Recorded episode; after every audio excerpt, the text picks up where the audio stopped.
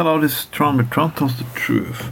The Hollywood elite, let's talk about them, because I've been talking with elitism a lot.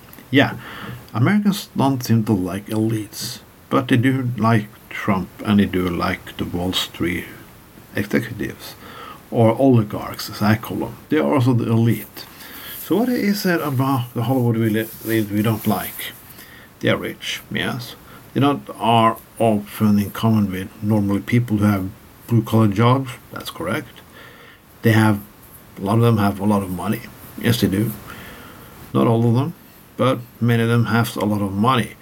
So we're going to people who have a lot of money, meeting a lot of stuff about all kinds of things, and they're playing good movies. Some of them, not everybody.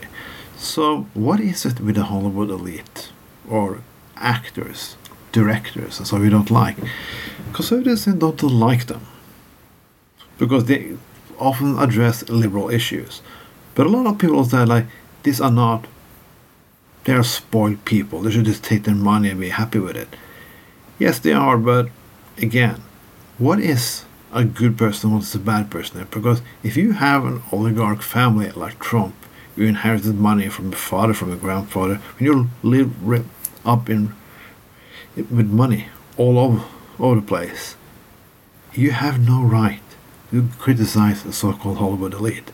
Those people that Republicans support are this those people who, who never have a blue-collar job, who never worked themselves up from the bottom. I know. A lot of act- some actors have really come from normal families, and since they have success, they make money. That should be an American love story. But in conservative world, they're not a love story. It is the hard boy fucking elite.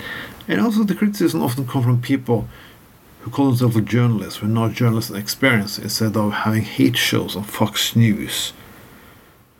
Nobody seems to criticize a religious elite, religious assholes who pay no taxes, build big mansions, and make believe that they have a connection with a fairy tale ghost up in the sky, who is fucking nothing but a joke.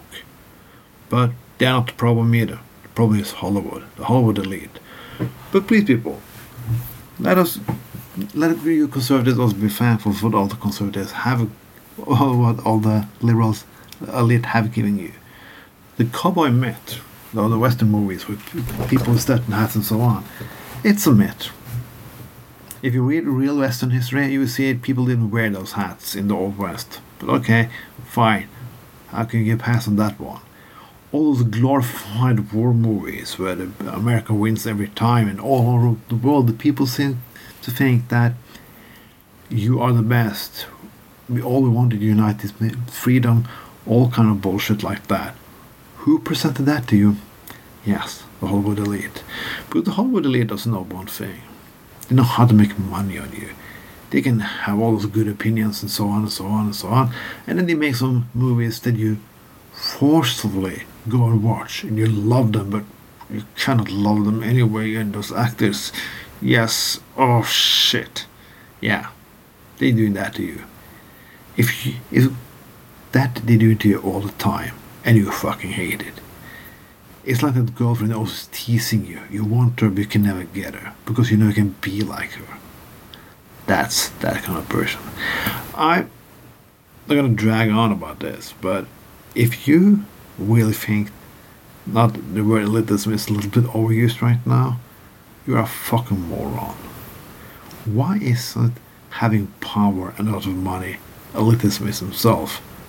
People doing culture, movies, and music are not the fucking elite. Many of them have worked themselves up from the bottom. Most people with old money haven't. That's the fucking end of the discussion. If you like old money, then and you say and that you like people who've been running their own business, yeah, most people with a lot of money have been running their own business because they had a lot of money, so they can own the business. They haven't built their own business.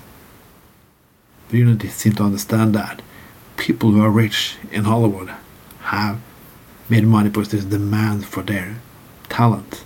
So yeah. That's it for my this time. This was Tron Tron tells the truth.